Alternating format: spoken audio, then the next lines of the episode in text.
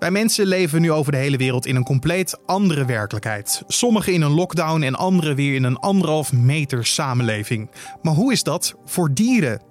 Dit wordt het nieuws. Nu uh, zie je dus echt die gevallen ontstaan hè, van herten die op straat lopen en uh, bijvoorbeeld apen die door de steden trekken. Maar dat zijn wel dingen die vaker gebeuren. Dat was Femke Hilderink van het Wereld Natuurfonds. Met haar praten we straks verder over dit onderwerp.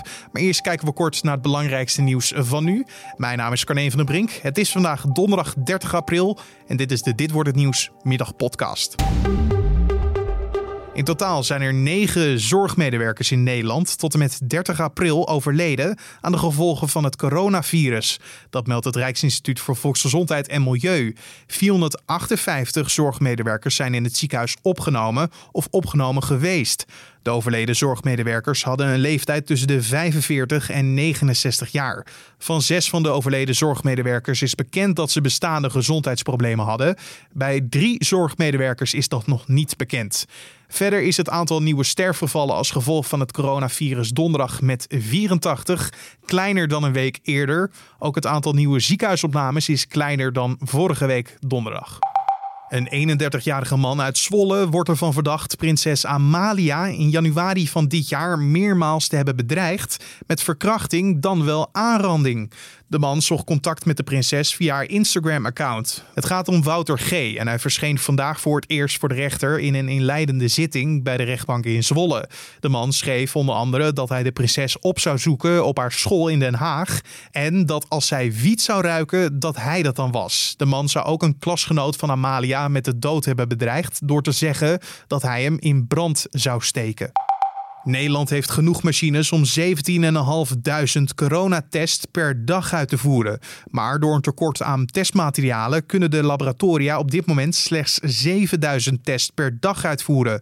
Dat vertelde coronagezant Faike Seibesma tijdens een briefing in de Tweede Kamer. De wereld van coronatesten is complex, waarschuwde hij. Volgens hem worden er een heleboel tests aangeboden, maar moeten die worden goedgekeurd door het RIVM. Echter komen veel tests niet door de keuring. Daarnaast werken laboratoria in Nederland met verschillende machines die niet altijd aansluiten op het aanbod. Een zendmast op het dak van een seniorenflat in Rotterdam is vernieuwd. Er zijn kabels doorgesneden en er is brandschade ontdekt. Het is de 24e zendmast die in Nederland is vernieuwd. De afgelopen weken zijn meerdere zendmasten in Nederland in brand gestoken, waaronder al twee keer eerder in Rotterdam. De autoriteiten noemen deze vernielingen levensgevaarlijk en onacceptabel. Door het toebrengen van schade aan zendmasten kan de dekking van het telefoonnetwerk hinder ondervinden. Daardoor zijn bijvoorbeeld hulpdiensten minder bereikbaar. Dan het gesprek van vandaag. En dat is de vraag hoe dieren omgaan met de COVID-19-pandemie. Want wij mensen moeten ons houden aan allerlei regels en nemen ook genoeg afstand. Maar hoe is dat voor dieren? Tuurlijk, in dierentuinen en in resorts moeten ze zich aan allerlei regeltjes houden. Maar hoe is dat in de jungles, de bossen en in je achtertuin? Het wild dus. Want deze week kwam bijvoorbeeld het bericht dat in het Verenigd Koninkrijk er veel minder egels sterven sinds de coronalockdown. Daarnaast zouden ze ook steeds vaker opduiken in tuinen. Hoe deze nieuwe werkelijkheid eruit ziet voor dieren, kan Femke Hildering van het Wereld Natuurfonds ons vertellen. Ja, we zien nu eigenlijk vooral natuurlijk in de media uh, beelden van uh, herten die midden op straat lopen of egels die weer massaal tuinen intrekken. Uh, en dat geeft natuurlijk een beetje een beeld alsof, uh, alsof het voor dieren nu een walhalla is, uh, waar ze van genieten, van rust en ruimte. Maar dat is eigenlijk best wel moeilijk om te zeggen of dat op grote schaal echt zo is. Want waar zit dan die twijfel bij jullie? Nou, we, we denken eigenlijk dat nu zie je dus echt die gevallen ontstaan hè, van herten die op straat lopen en bijvoorbeeld apen die door de steden trekken. Maar dat zijn wel dingen die vaker gebeuren. We, we zien dat door verlies van leefgebied, bijvoorbeeld door ontbossing en het aanleggen van wegen raken leefgebieden van dieren uh, versnipperd. Uh, en daardoor is het moeilijker voor ze om van het ene gebied naar het andere te komen. Nu is er dan weer rust op straat en uh, ja, dan kunnen ze die plekken gewoon weer gebruiken. Maar eigenlijk is het dus een beetje een, een symptoom van een onderliggend uh, groter probleem. Maar dat zijn natuurlijk wel grote voorbeelden. Er zijn ook gevallen van uh, nieuwe ontdekkingen in je eigen tuin, hè? Ja, mensen zijn natuurlijk meer thuis. En wanneer ze een balkon of een tuin hebben, dan kunnen ze natuurlijk nu ook genieten van de wilde dieren die eigenlijk gewoon in, in, eigen, in eigen land rondkruipen en vliegen. Maar zien wij dan als mens nieuwe dingen in onze eigen tuin? Of is het inderdaad de natuur die uh, andere dingen laat zien aan ons? Nou, ik denk dat, ik denk dat meer mensen er aandacht voor zullen hebben. Uh, als je thuis bent en je besteedt wat meer tijd in je eigen tuin, dat je dan ziet van hoeveel insecten er bijvoorbeeld zijn en vogels die, er zich, die, die ook in je tuin uh, nu gaan nestelen. Het is natuurlijk nu ook de tijd van de, van de jonge vogeltjes. Nou, ik heb zelf allemaal kikkerdril in de vijver. Dat is gewoon super leuk om te zien hoe, de, hoe zich dat ontwikkelt. En uh, ik denk dus dat mensen uh, ja, daar ook wel uh, echt van kunnen genieten nu. Dan even terug naar dat grotere probleem waar je het net over had. want volgens jullie heeft dat te maken met het mens-dier-conflict. voor de luisteraars die niet echt een beeld daarbij hebben, kan je het voor ons uitleggen? Ja, eigenlijk wat er dus gebeurt dat wanneer dieren hun leefgebied verliezen, doordat nou, wat ik zeg, wegen worden aangelegd of landbouwgrond, dan krijg je natuurlijk dat mensen en dier dichter bij elkaar komen te leven. En er kunnen dan ook conflicten ontstaan over uh, ruimte. Uh, in sommige gevallen gaan dieren bijvoorbeeld gewassen opeten van mensen of ze vormen een bedreiging. Uh, bijvoorbeeld als je het hebt over grote roofdieren. Dus die interactie die kan, die kan heel vervelend, of ja, gevaarlijk worden eigenlijk. En dat is wat wij inderdaad noemen het mens-dierconflict. Um, en op sommige plekken verwachten we ook dat dat uh, in deze periode kan toenemen. En we zitten dan nu in een tijd waar alles stil ligt door de lockdowns of de intelligente lockdowns. En uh, we kunnen ook niet reizen, dat is ook uit den boze. Dan zou je kunnen denken, dieren gaan zich hier aan aanpassen. Ja, ik denk dat op sommige plekken dat dat ook echt wel uh, het geval is. En dat er dus minder van die conflicten zijn. Uh, maar er zullen ook plekken zijn waar uh, juist mensen nu bijvoorbeeld hun, werk in de steden en zo verliezen. En voor hun in inkomsten weer afhankelijk worden van dingen die ze in het bos kunnen vinden. En moeten gaan jagen, hout sprokkelen in het bos. En dan komen ze dus juist weer veel meer in con contact met alle dieren die daar leven. Want dat is ook een belangrijk zorgtepunt wat jullie hebben. Hè? Want de werkzaamheden van de stropers liggen nog niet echt stil. Ja, inderdaad. Uh, het is nog moeilijk te zeggen of er nu daadwerkelijk meer stroperij is dan voor de crisis. Maar uh, ja, de vrees is wel dat, uh, wat ik net zei, dat mensen dus hun, hun, hun, banen verliezen en meer de bossen intrekken in sommige gebieden dat dan ook eh, de, de, de stroperij en de illegale handel in eh, bepaalde diersoorten ook toeneemt. En zijn jullie dan echt bang dat de mensen die dat al deden uh, het gewoon nu doorzetten omdat er niks anders is wat ze kunnen doen of dat er weer een hele nieuwe aanwas komt? Ja, dat, dat is moeilijk te zeggen, maar ik denk dat er in sommige gevallen uh, ook een bepaalde sociale controle normaal gesproken was. Bijvoorbeeld plekken waar veel toerisme uh, is. Daar vormen toeristen eigenlijk ook een beetje de ogen en de oren van het gebied. Waardoor het voor, stropers moeilijker is om dieren uit zo'n gebied te halen. ja, nu toerisme, dat is natuurlijk redelijk ingestort. Dus die mensen zijn er niet. En dat kan uh, in sommige gevallen echt vrij spel geven voor stropers. En waar wordt dan nu het meest op gejaagd? Uh, nou ja, we kennen natuurlijk allemaal de voorbeelden van tijgers, uh, neushoorns, olifanten die grote, op grote schaal ten prooi vallen aan stroperij. Maar wat veel mensen niet weten is dat bijvoorbeeld de schubdieren de diersoorten zijn die het meest worden verhandeld. Uh, en die worden gebruikt bijvoorbeeld in traditionele Aziatische medicijnen. En daarom zijn ze ook zo populair dus? Inderdaad. En uh, dat was vooral in Azië zo. Daar zijn ze bijna verdwenen. En nu zijn uh, vooral de schubdieren in, in Afrika vaak slachtoffer. Alleen wat ik me wel afvraag, want heel veel dingen liggen stil. Ligt het toezicht hierop dan ook niet stil? Nee, dat gelukkig niet. We zien zeker met in alle, alle kantoren waar wij, waar wij werken heel veel activiteiten gaan door. Het blijft natuurlijk heel erg belangrijk om om gebieden waar, waar dieren leven goed te blijven beschermen. Te zorgen dat er goede corridors zijn tussen die gebieden, zodat ze kunnen blijven bewegen van het ene naar het andere gebied. Maar daarnaast uh, is ook uh, handhaving tegen stroperij. Dat doen wij als organisatie niet zelf, maar dat, uh, dat, dat doen bijvoorbeeld de lokale overheden.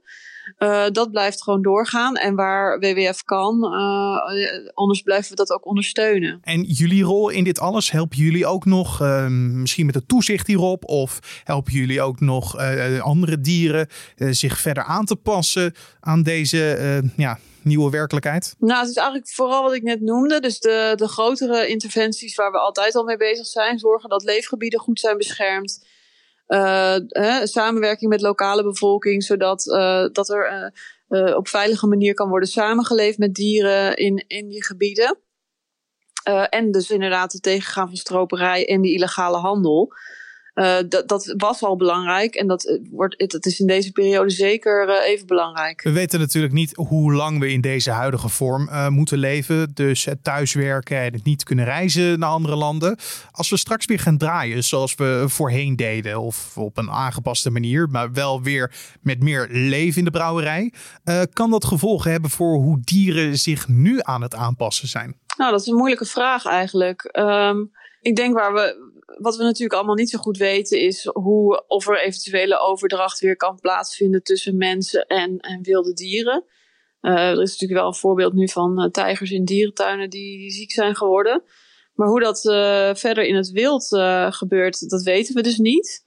En dat is wel iets ja, interessant om daar verder. we hopen dat daar meer informatie ook over naar voren komt om beter te begrijpen of er bepaalde risico's bestaan voor bijvoorbeeld wildpopulaties, misschien voor uh, mensapen bijvoorbeeld, wanneer toerisme daar weer uh, gaat starten.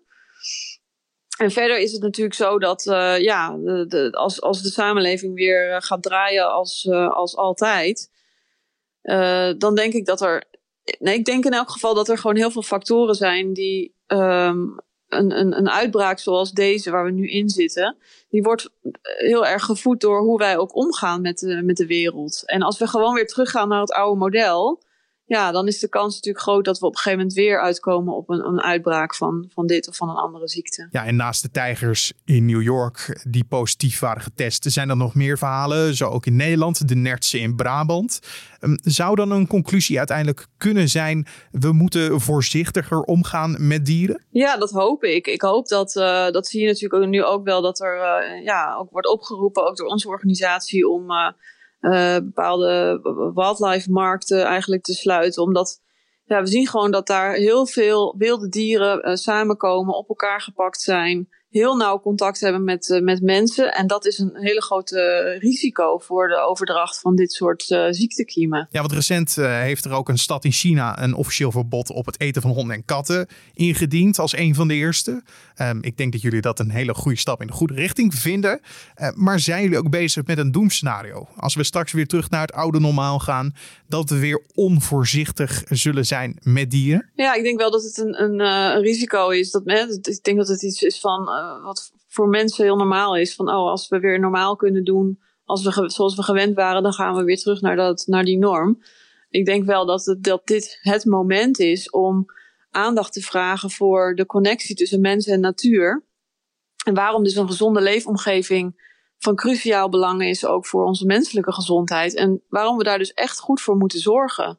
Voor, voor wilde dieren, voor leefgebieden, uh, voor schoon drinkwater, al, al dat soort dingen, zoetwaterreservoirs. dat is allemaal ook belangrijk voor onze eigen gezondheid. Je hoorde Femke Hilderink van het Wereld Natuurfonds. En dan nog even het weer. Later vandaag en vanavond volgen vanuit het zuidwesten meer pittige buien met kans op hagel en onweer.